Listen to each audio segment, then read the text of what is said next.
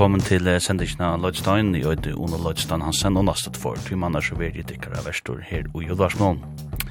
Jeg får spille en ekvann uh, gøvann til åndag fyrir den kvöld, og jeg kan bare uh, si som, som er at jeg vil ha lenge dæver. Tjåkon som arbeider for fjellmidlar, så at uh, jeg får ikke at uh, tås av øyne av døkken. Jeg tror ikke, jeg tror ikke løtan til det, uh, men jeg skal uh, allukka spela og når jeg går en tøvn og ikke fyrt kom til og sånt her som jeg kan gjøre. Til for å høre nytt tilfær fra et annet kjent tøvn fra Coil Girelli, Future Islands. Det er sånn her nere superkjøtten, nødvendig superkjøtten i USA som heter Victoria Monet, som uh, er kåsen Horsen Spyre i USA. Nå tar Grammy Hørstlund av våre vattnere her fire. Nytt fra The Killers og um, Black Pumas, Jason Isbell, Charlie Crockett, The Libertines, Steven Sanchez, Father John Misty, Chris Stapleton, Lucius Royal Blood, og nekva anna gott. Så sitter ikke bare at du har njótt etter her, etla en bildur, annars det kan lukka vann til resentur.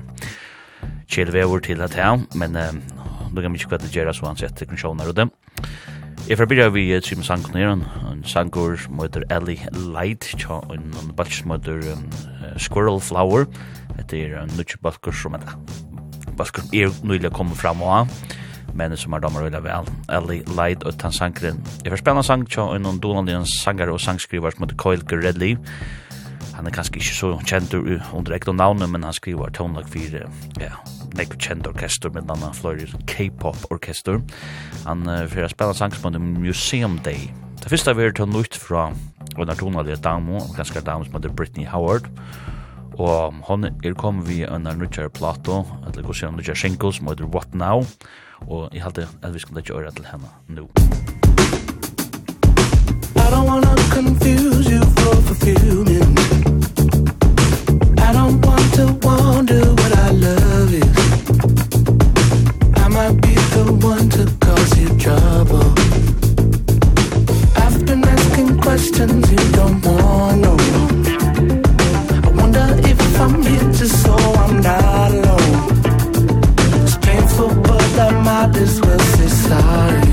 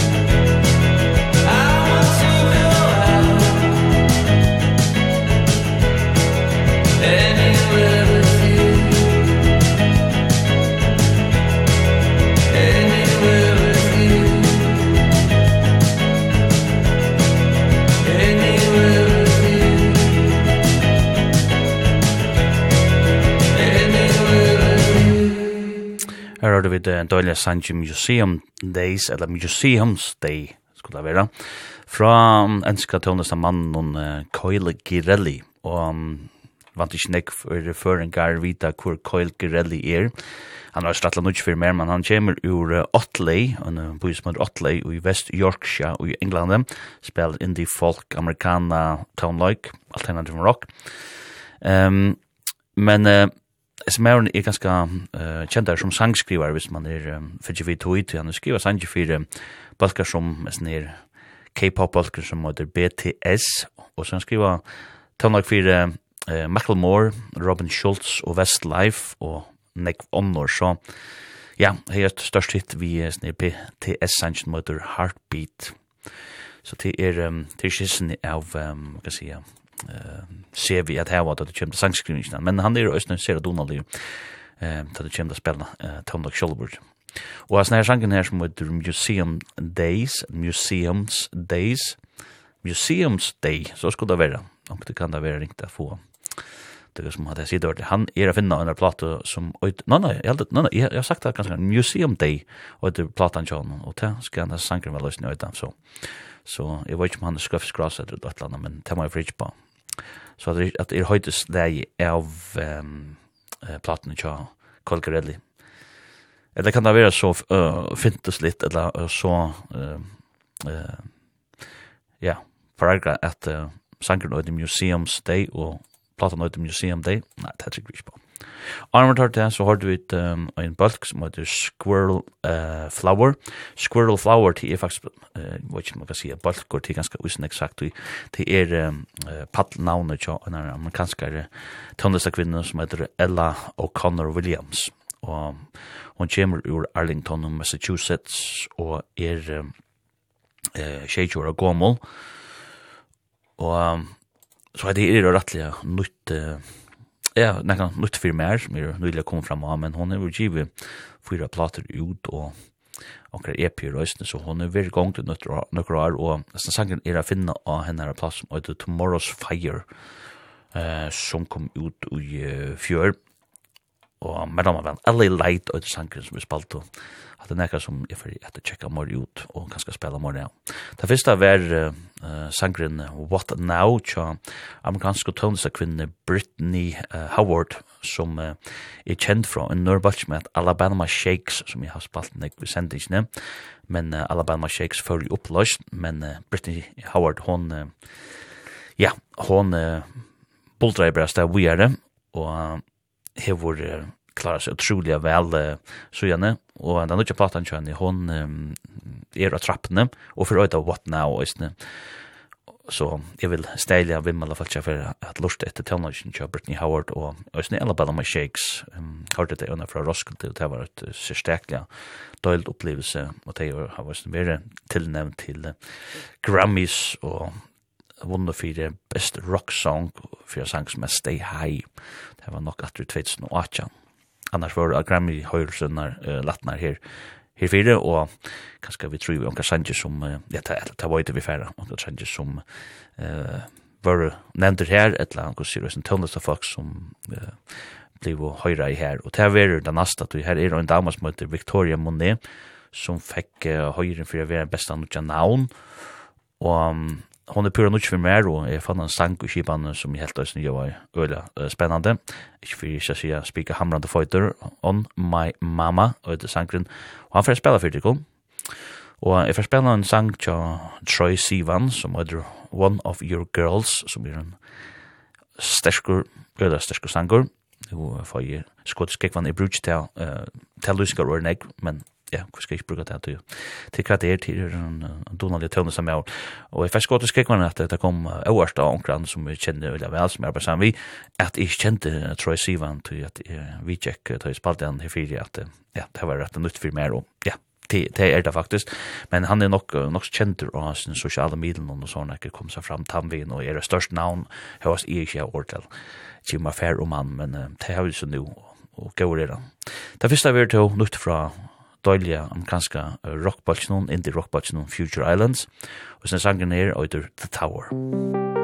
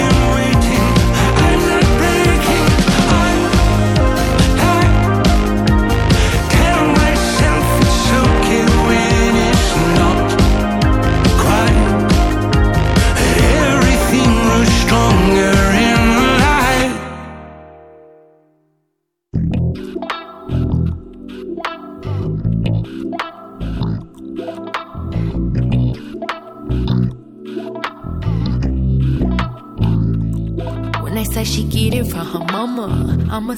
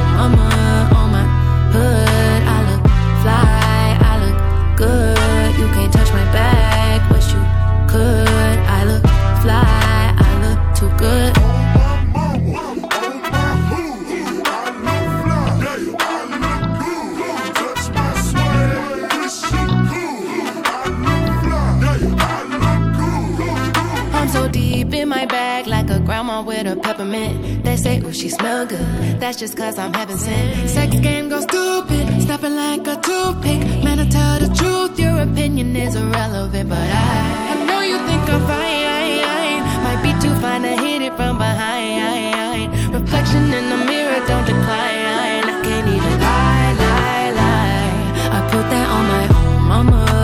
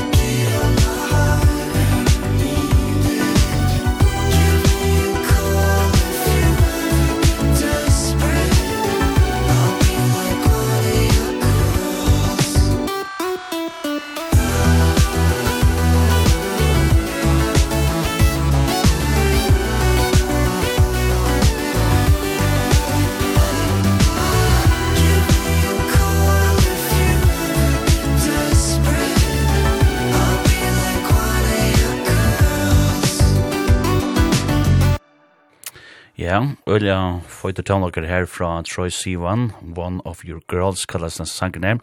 Troy Sivan, han er Australian Mauer, og et, ja, rettelig kjent navn etter hånden enn, tog at um, han har her platan som han gav ut i, i fjør, uh, hon kallas for um, Something to Give Each Other, og hon var nekk røst, og a finna og nekk om listen i beste plater fjør. Og snitt Troy Sivan, han kom seg fram uh, av YouTube, og så var han i imiskon uh, sånn her talentkapping noen i Australia, at det er 2013 her omkring, men uh, færs ordentlig, ja. Uh, vinterseklene vi uh, en er EP som uh, er TRXYE, ja, og ikke om det skal si, Trixie, ja, jeg vet ikke om det skal uttale sås, men som hun klarer seg veldig vel, og sier særlig en sang som heter Happy Little Pill, uh, men uh, han er så også en kjørste galdande, ja, så han er kjekta slei og slei og men han er også kjørste galdande som sjøvnlagare tog, han har spalt, uh, ja, uh, den unge Wolverine i X-Men Origins, um, Wolverine for 2008, så han er, han er vi kjentur som holdt unger her, og han er 8 år gammel, ikke mer enn det, enn snir, uh, Australien som eh ja, som nektis kan. Og når vi tar til Troy Sivan, så var det sangren On My Mama tja Victoria Monet. Og Victoria Monet, hon vann eh, høyren for å være best new artist ta i Grammy-høyrslønna var latnar i fire. Det var 26-24 at Grammy-na var latnar. Og Og hon vann ikke bare øyne, hon vann begge for Best New Artist, Best R&B Album og Best Engineer Album Non-Classical. Så det var en størst, størst, ja, størst kvöld for seg her damna. Men jeg kallar henne um, uh, New Artist, uh, eller spyrer, det er ganske sånn skøyft, og damen er altså 40 år gommel og kommer ur Atlanta og Georgia og i USA. Og hon er ja, så er på ångsmak, nei, men det, det er sånn, vi først er det sånn at man får så en jögnebrott och det er ganske noe som hender, uh, jögnebrott det er, Så eh spännande är det följa vi henne, eh säkert damne. Och så det alltså ja, prata som hon är en grossfyr, hon åter Jack War 2, men ehm det är så den första plattan som ser ut att ha givit ut och så stäsch neck foil och det är också fräckt att kalla den Jack War 2 ta vi er den første platan. Så borde jo nok være Jaguar, Jaguar 1. Men uh, ja, spennende dama, og ikke bare spennende, uh, uh, ytla seg en heldig skjut, kan jeg altså si, uh, hvis folk uh, hokk om det, men uh, Atlanta og Georgia er sånn sted østene som har fastland ikke sånn go R&B uh, orkester middel året der, uh, TLC halde kjem fra Atlanta og Og er sterske bølgar, Outcast, Loomis. Så sterk tradisjon her som hon kommer fra den her. Og det første som vi hørte, det var sangren The Tower of Future Islands, og det er en sangren til en nødvendig plato som øyter People Who Aren't There Anymore, og det er... Um, den kjente platan til høysene døylige amerikanska syntpop og bøltsen noen uh, ur uh, som kommer ur uh, uh, Greenville i North Carolina i USA Og Balkrim kom seg alvorlig fram til i sangaren, ja, sier det tog jeg, der har han øyla, hva kallar man det, karismatiskan og vanlig førskon.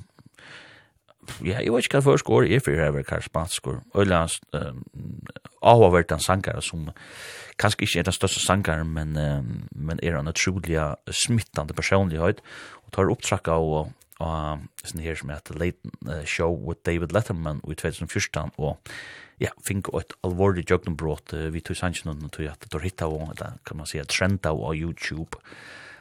Og og det gjør det så at det fink ordentlig for den fyrse og mer, ja, mer, jeg var så balkjen enn tver for live uh, og mer damer han øyla vel og tok om at København er jo i mai og ja, jeg er på ja, jeg borde færre uh, jeg borde færre Nå, vi får av gjøre, jeg lover ikke å snakke for nek, men det gjør jo så alltid lykke vel, det er så en uh, arbeidsgei jeg pleier å takke til, ta i møte folk. Jeg får spille, tror jeg, uh, country, amerikaner sanger, more amerikaner enn country sanger, Så jeg får spille en sang til en uh, avhørt en uh, fyrer som heter Charlie Crockett, som um, har ikke alvorlige vinterseklene. Så han er kanskje kjørt morgen minne enn spalt, uh, innspalt han hadde duett, sammen med Will Nelson. Og Jag vet inte, hvis du spelar kontra til han, og slipper jeg spennende sang sammen við Willem Nelson, så, så vant jeg at du er klar at dodge og fære i, kan man sige, i uh, country himmelen, men eh men det er fantastisk flott, og han er han er nylig kommet seg fram med Charlie Crockett, uh, har haft en, ja, han synes ehm uh, server við og vi veri ute i tjeilin, men har følt seg og brukt tøvnlager som var sort. Og så har tåk for å komme seg fram, og det er hans alvorlig gjørst og ulla arbeidssamon. Skal sikkert være uh, vi her som er David Crockett, det vet ikke om faktisk, som gammel nok, eller gammel som jeg vet, minnes kanskje seg søvner om David Crockett. Uh, no. Men uh, så får jeg spille noen sang til The Libertines, som heter Night of the Hunter, uh, døylig sanger halde jeg, tjøys nir Balchnon The Libertines som her hun selja så, selja du sangeren er rettelig flamboyantur, Men det første er Jason Isbell og hans er 400 Unit og tar spela, eller te spela skal det være. Te spela sangen Death Wish. Did you ever love a woman with a death wish? Something in her eyes like flipping off a light switch. Everybody dies but you gotta find a reason to carry on. Oh, and did you ever catch her climbing on?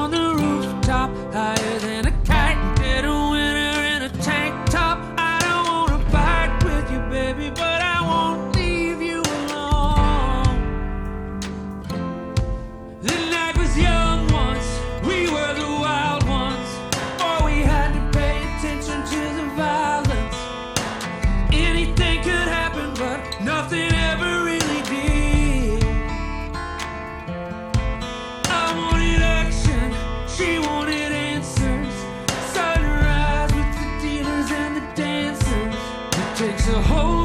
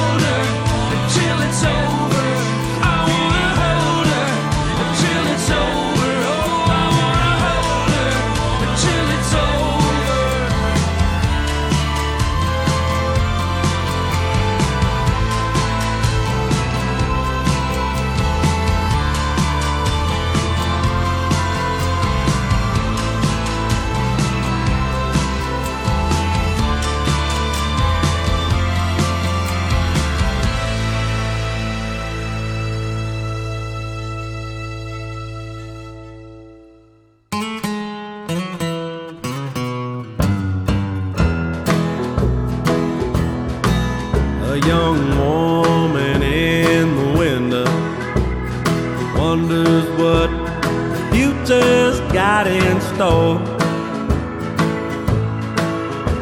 She heard about the city and it's not life's got her wanting so much more. She sees children in the street out there playing right up till nightfall And as the evening sun goes down She thinks that's what makes the world go around She's dreaming of the good life But all she finds is a long and winding road. trials and tribulations and conflicting information on where to go. Though the bar is unforgiving She always hears that Leon call her name She's living for a honky-tonk sound. The one that nature world.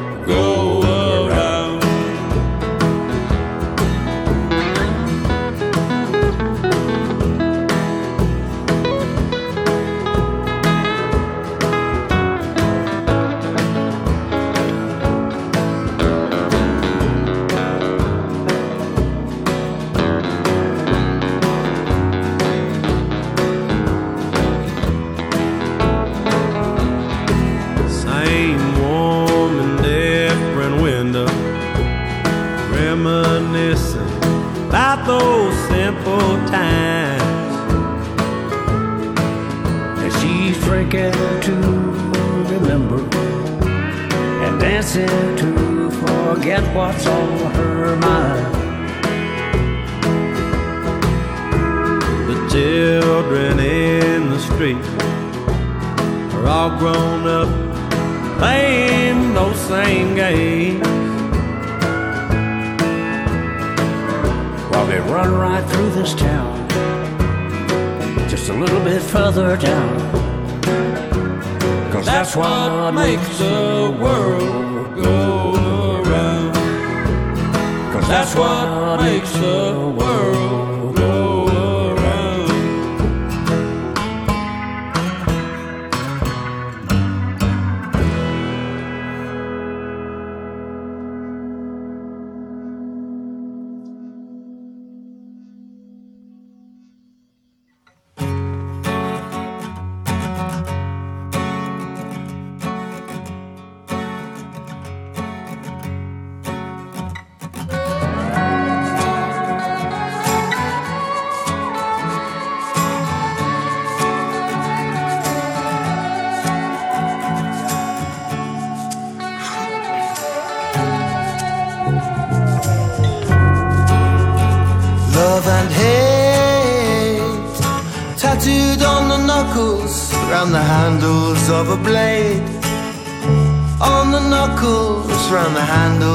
a blade, a bloody blade.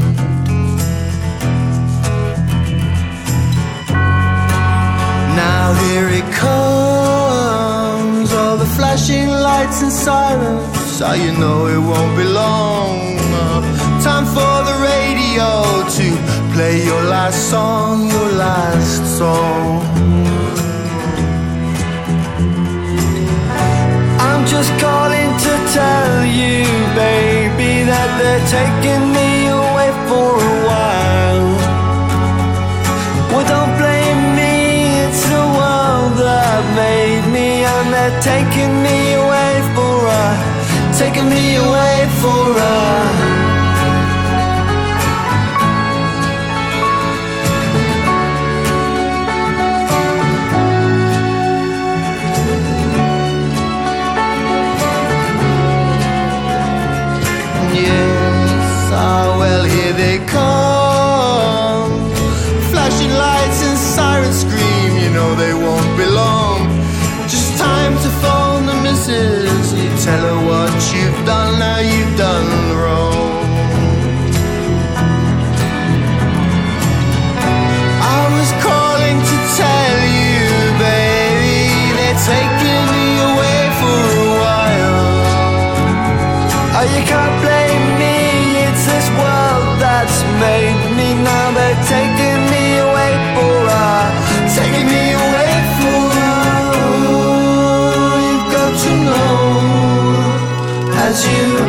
Wash the blood from your clothes. You can't clean out your clothes. You'll never clean your soul. No, no. S-E-A-B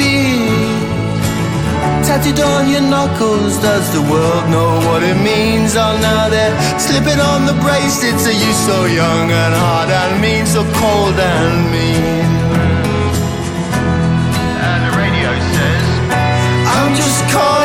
tell you baby that they're taking me away for a while.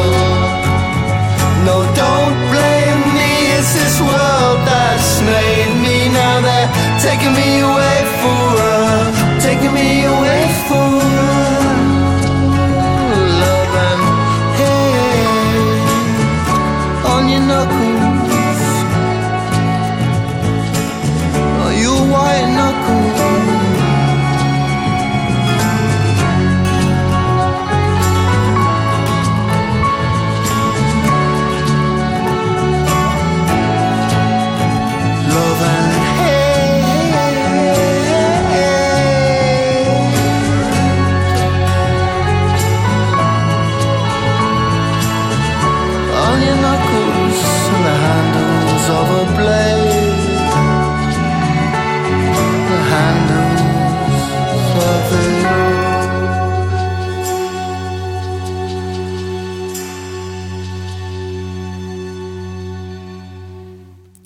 Ja, døylig sangeren her, um, Night of the Hunter, tja enska batchen on the Libertines, og hadra sanger som er finna, eller verer å finna nukkjart plater, tja tøyman som fyrir oida All Quiet on the Eastern Esplanade, og til en plater som fyrir kom ut i mars måned, tja enn her um, Garage Rock batchen on the Libertines, Og som har haft en lett plava i søvå, tog jeg særlig Peter Doherty, sankar og gitarrist Bølsen, hun hever vært ulla lett ut i rusen, og sånn han ekka og til ulla vel dokumentera òsne til Han var her her atlastan i fjallmiddelen, og han var ungur Peter Doherty, Jack saman vi Kate Moss, og det var nek heroin, og nek, nek lorster pur for sitt pent, og ja, det, er faktisk utrolig at mange ganger opprøster inn, og det hever han nok eh, franske kone, tja, fyra takka, tog jeg, at jeg sa en samråd som som er her um, Jeg gav en ikke journalisten Louis Thoreau, han gjør det vi pitt akkurat i, og det var en hodtekkant innlitt ui sykene tjallest mannen.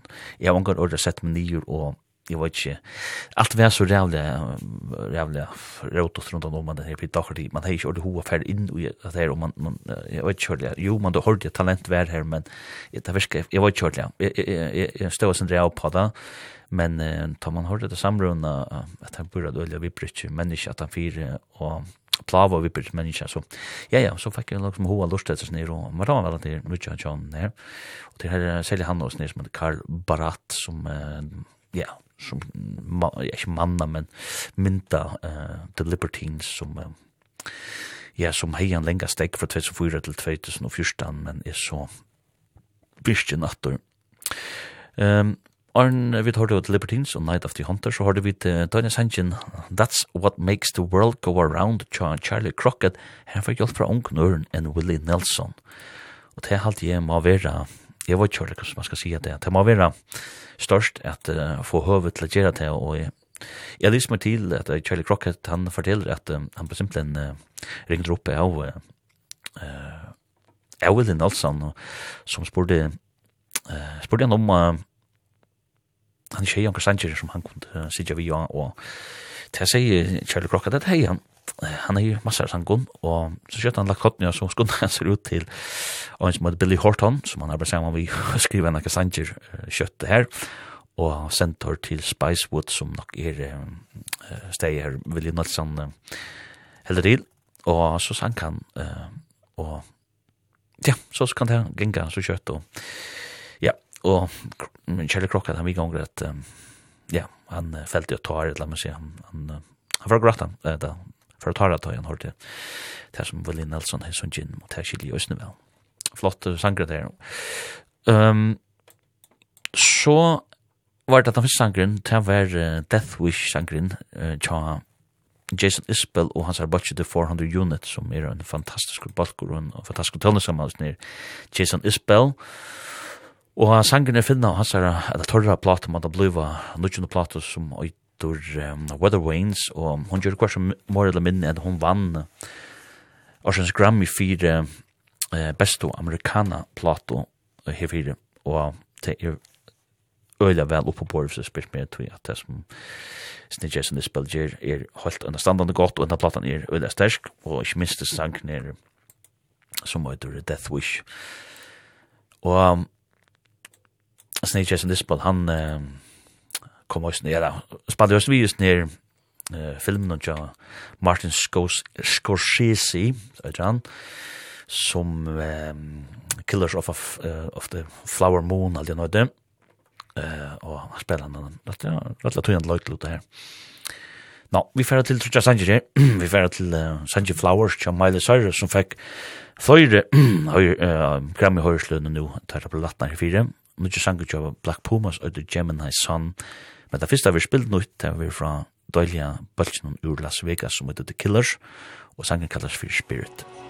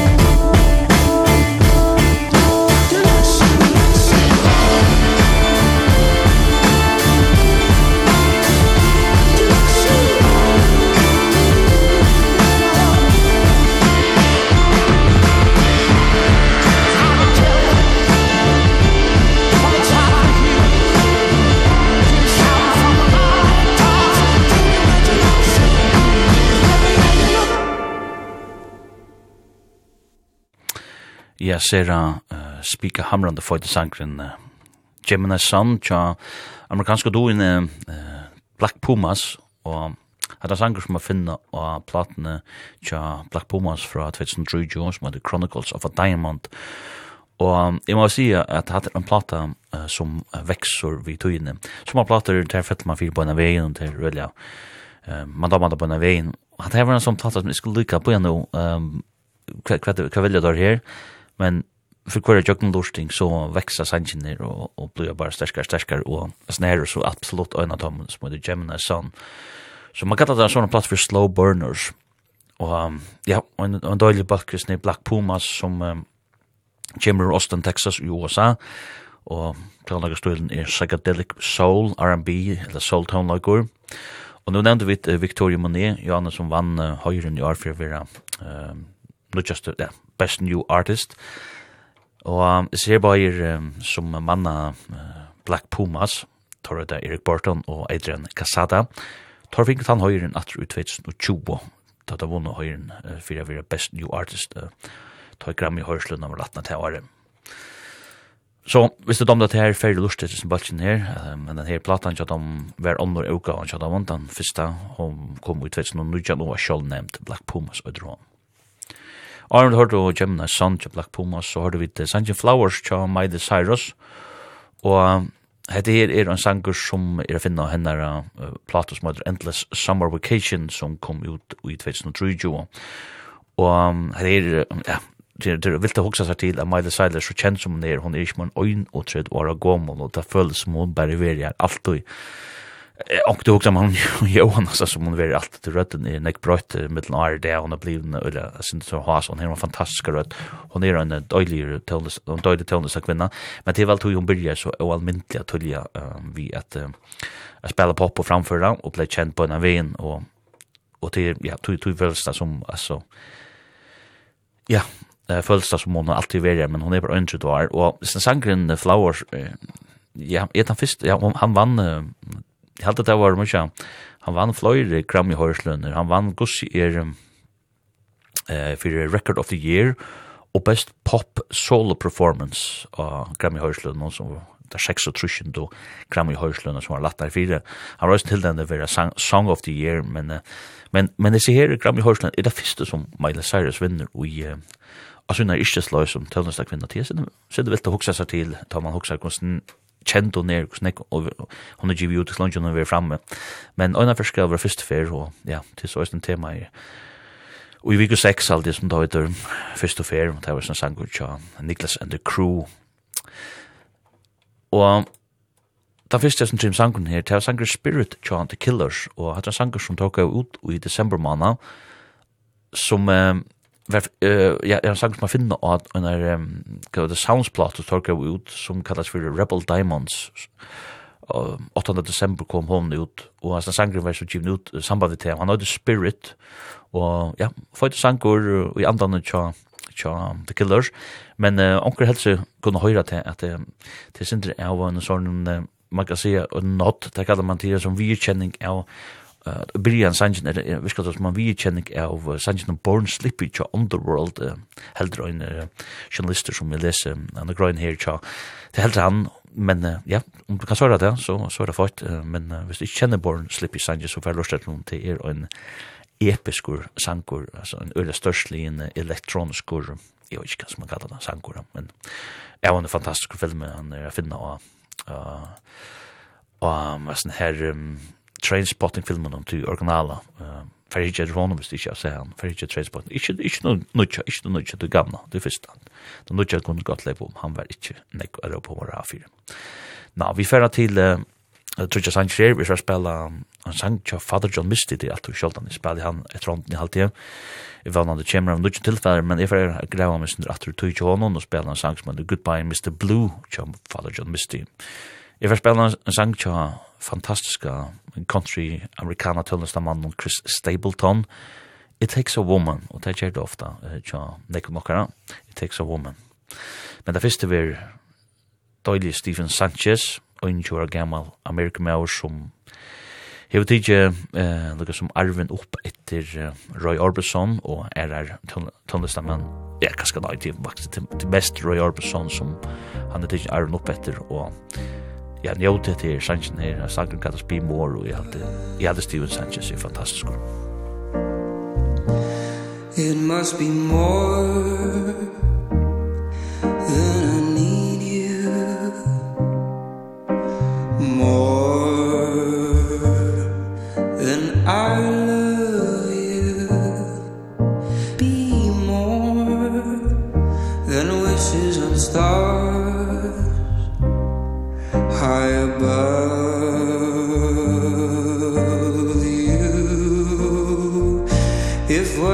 just hold you. Tell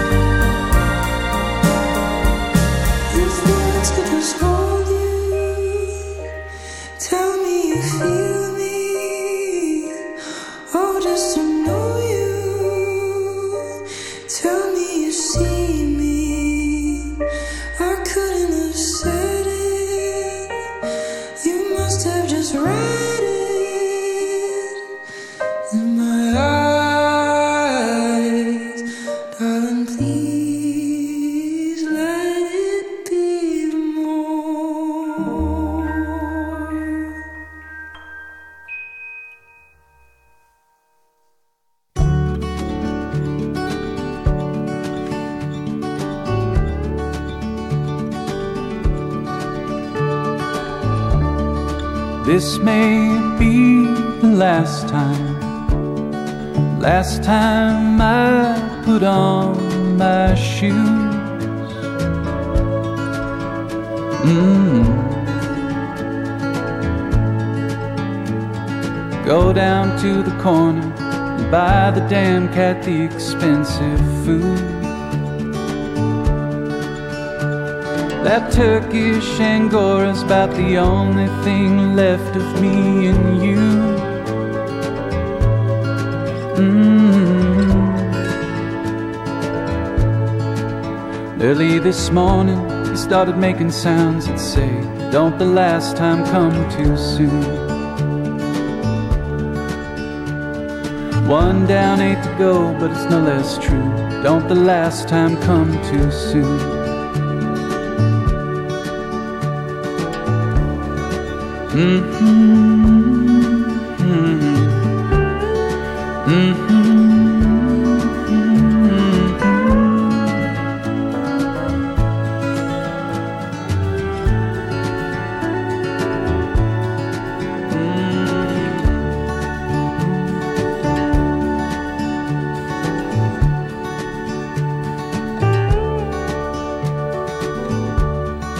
This may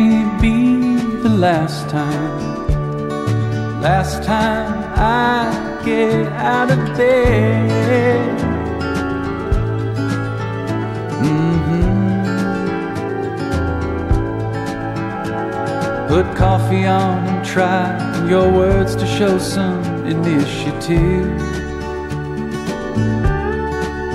We used to lay around here laughing at what these freaks out there were trying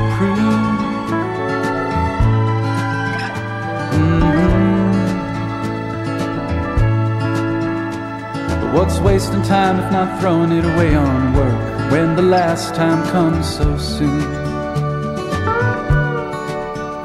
Mr. Blue died in my arms nothing they could do. Don't the last time come too soon? Love's always come and leave you No matter what they say You only know what it is it's gone away.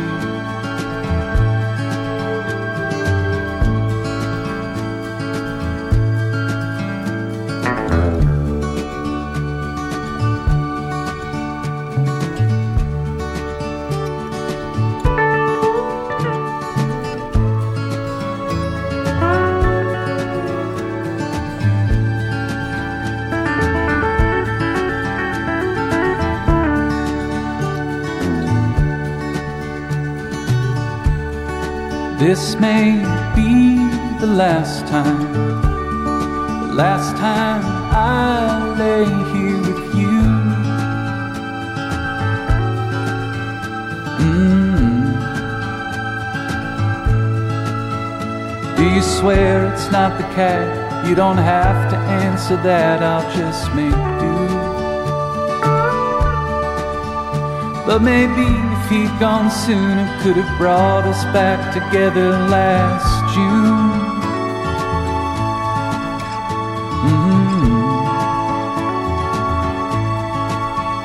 When the last time was our last time If only then I knew Last time was our last time Would have told you that the last time comes to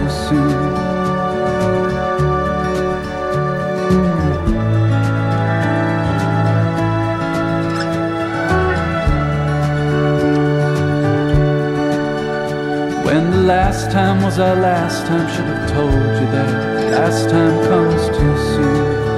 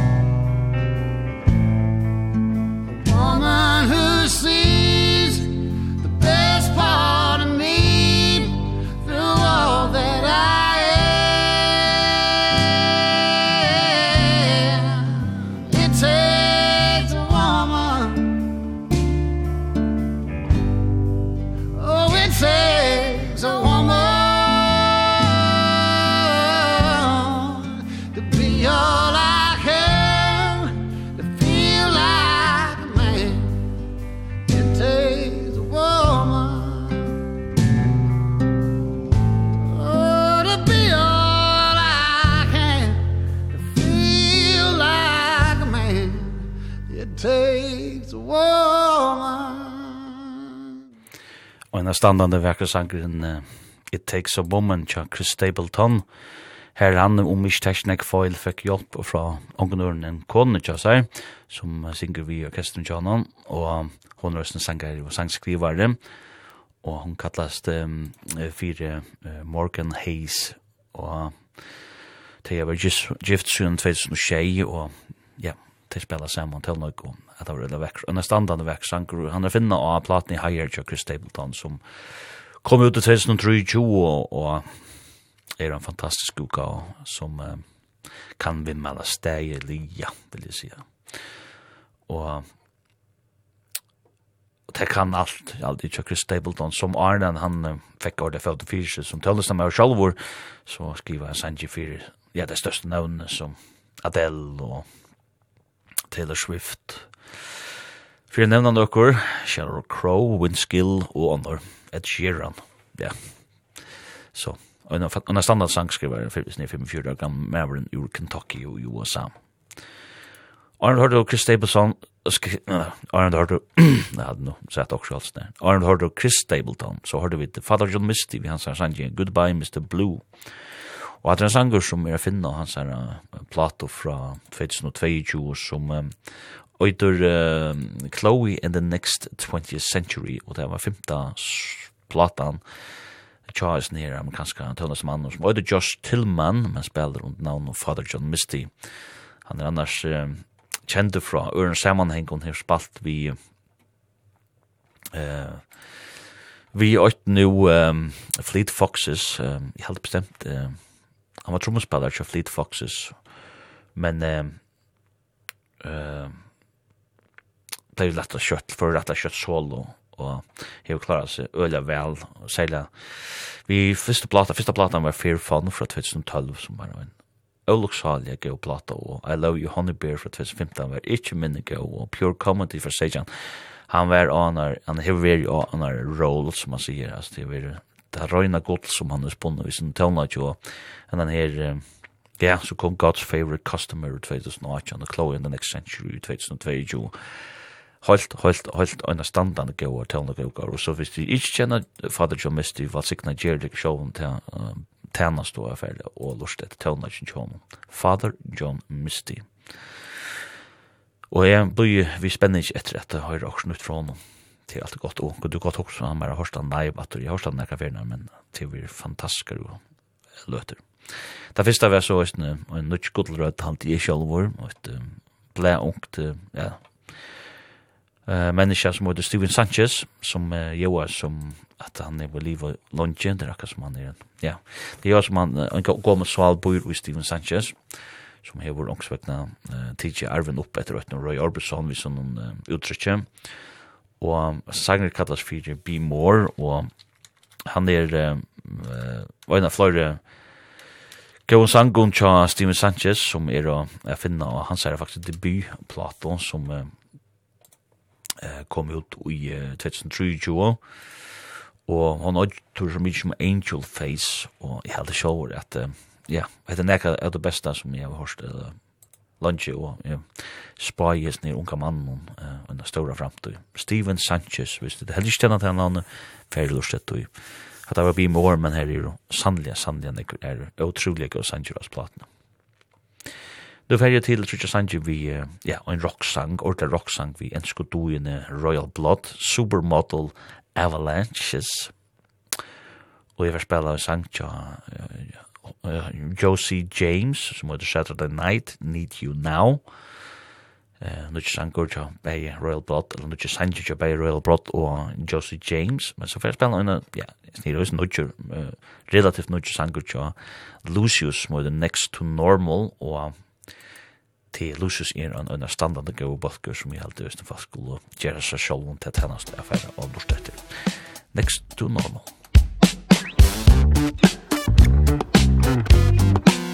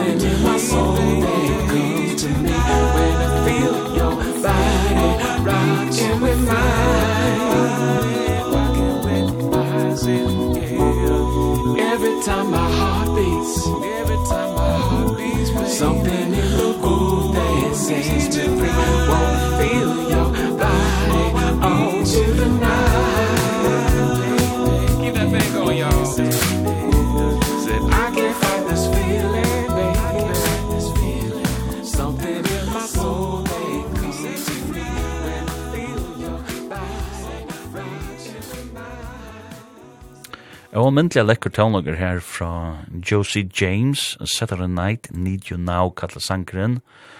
Og det er en sanger som er finnet av en platsjon som heter 1978.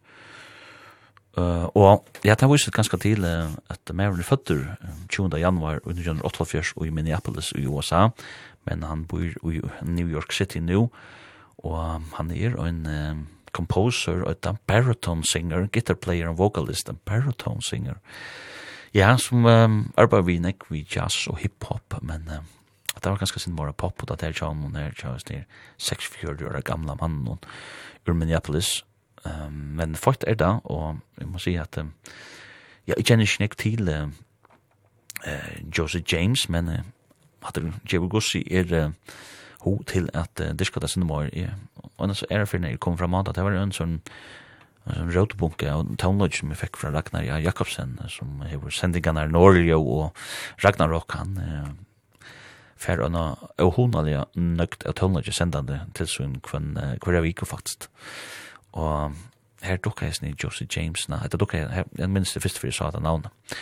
Ehm Arnold har du Saturday Night Joe Joseph James så har du vit Sanchin Supermodel Avalanches eh uh, Royal Blood så en sko rock doen og til det er utrolig kvært og en basket der en trommesett kunne larme et eller men til er ikke mer enn til Ujesen orkestren tar er og ur Worthington og i England hvis det her rockeren er her spiller sånn ja, garage rock, blues rock hva man vil kalla det da er det Mike Kerr og Ben Thatcher annars spiller bass, hinn spiller trommer, og tar larm ytla. Og sånn her sangen er å finne en deluxe utgave av platene ja, tøymen um, som uh, kom ut i 2003, just møte Back to the Water Below, og um, hon kom ut i september 2003, og sånn sangen er som kom ut nå i samband vi uh, tar et giva sort, ja, deluxe edition bonus 7 inches, kattastan kanskje 7 inches, det viser ofta til plater.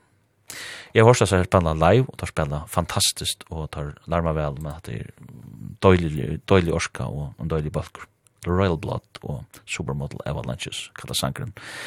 Det første sangren som jeg spalte, det var uh, Next to Normal, tja uh, bøtjen, amerikanske bøtjen, Lucius, og sangen er finna under uka tja Lucius fra 2022, som uh, er The Second Nature, og um, det er en døylig plata, og det kjennes nir Tøyla Baltsjnån som jeg spela nek i sendingen og det er nok så stort i søvan at jeg tar jo helt i under første fyrir i spalte Lucius. Så så kommer så samskift i lea av Facebook til at Birgar Larsen som er ommaler i kvøtten her i Jodarspen han han kjente simpelthen gitarristen Lucius og han gitarristen han Øyder Peter Lalish, og det komst av tog at Birgit Larsen hei veri av konsertfer vi Teite Lassen her um det spalte saman vi Lucius og til vi det er back in the day. Det er nok rar sjøen rokni vi.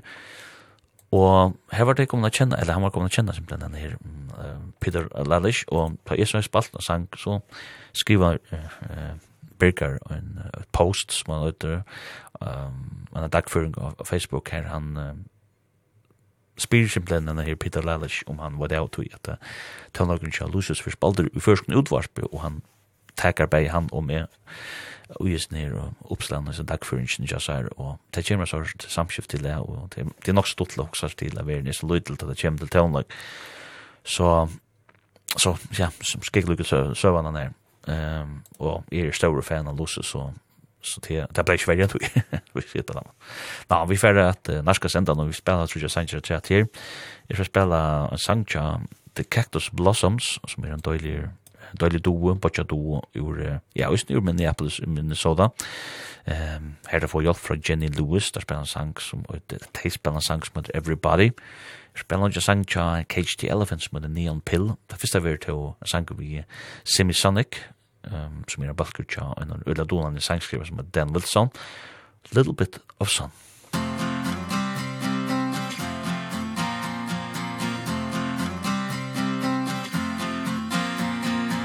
Come rescue me because I'm all alone And I can't fight this darkness on my own. Come set me straight cause I've been losing my mind. Most things that made me laugh just make me cry. Little bit of sun, little bit of sky. I think I see it from the corner of my eye. Little bit of hope, little bit of light. I only need a little bit to get by.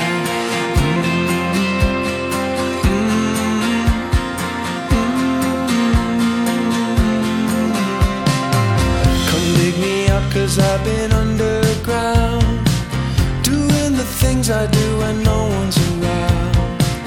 My sister told me I've been wasting my life. Can't shake the feeling I'm running out of time. Little bit of sun, little bit of sky. I think I see it from the corner of my eye. Little bit of hope, little bit of light. I only need a little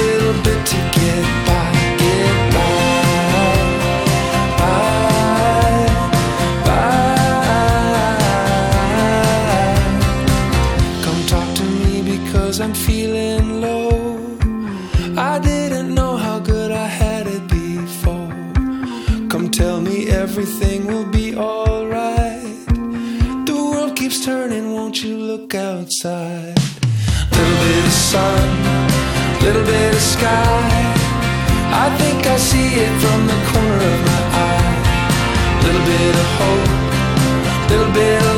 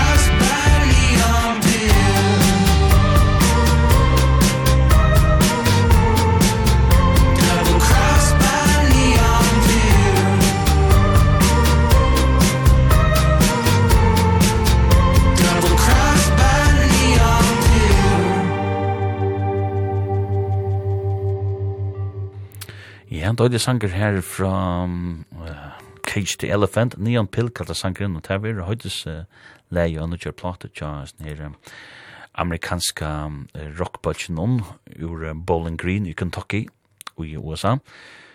Og um, det er en balker som spalt siden uh, 2006, det er 16, 2006 har spalt siden, og Sen här den här platan som tar för att ge ut som för att ta neon pill och vi tar att sätta hålla ruka va og den første søgjene Social Cues fra 2019, som var en døylig plata. Men det skiljer det annan då jag läser på om den här sanchen här Neon Pill, uh, att uh, ja, onker hur lite sanchen ut, og tar var klara jeg var ut till er allt. O allmäntliga gelet litt, da så det händer men okej. Okay, nu är han så ute, och mer av alt Cage the Elephant, och Castelia vid mannen av bare ikke nere. Og han har du ut en sang, uh, her i The Cactus Blossoms finger hjelp fra Jenny Lewis sin sangren uh, som er veldig døylig kallas for Everybody. Og uh, The Cactus Blossoms til er en um, uh, balkur ur uh, ur um, Minneapolis uh, i uh, USA uh, Og det er en, ja, en balker, nek sagt, det er en doond, og det er en brøra doon, uh, det er, det er jo, uh, Bodjan er um, Jack Torrey, som, uh, og så en som heter Paige Borkum, som uh, manna balkjen, eller som mynda balkjen, og da er spela, så får da hjelp fra, uh, da får hjelp fra en eldre Bodjan som heter Tyler Borkum, som spiller gitar, og da får hjelp fra en systenbadne som heter Philip Hicks, som spiller bass, og Og så er det var bodger som heter Jake og Jeremy Hansen som uh, spiller trommer og gitarrøstene. Og uh, hvor jeg ser på øyda i misk nemlig til det er ganske du øyne ut etter mammene og øyne etter papan hon. Men um, det er en døylig bøkker som spiller siden 2011 og, og um, her fikk det så hjelp fra fra sier Jenny Lewis som har røstet meg så vel. Døylig sangres ned Everybody. Og da første sangren, det var her sangren uh, A Little Bit of Sun og til røstet som i døylig hungra sind etter nu, hans årstina, vi til fyrjun selja, her til huvud som vist, det lyser fyrt, det er lusnar, det er lusnar, det er saman, men det gonger sånt, og til ganske angt, ja, så kommer latrystene, og så, ja, så køvist alt det av, og til nekk med det selvglattande, men Men det er dårlig sanger tja, sånn i balsen, møte Simisonic, og sånn sanger i høytesleg av platene tja tøyma som kom ut i 2023. Og det var fjorda høyder uka av tja, sånn balsen, som hever spalt Saman så igjen 1955, så til ikke du tar det her, tar det her, um, hva kan jeg uh, hva kallar det, Ivi Fløymt, tøvnlaga marsna enn vi ugaun, men det har hørt søvne at uh, åtta mer vi spatsis med Dan Wilson som synger, spiller gitar og keyboards. Han er en oalmyndelig uh, ombyen uh, sangskrivare og hever, ja, og vær så sånt som vi har tilnevnt til en Grammy for besta sang, sammen vi John Baptiste.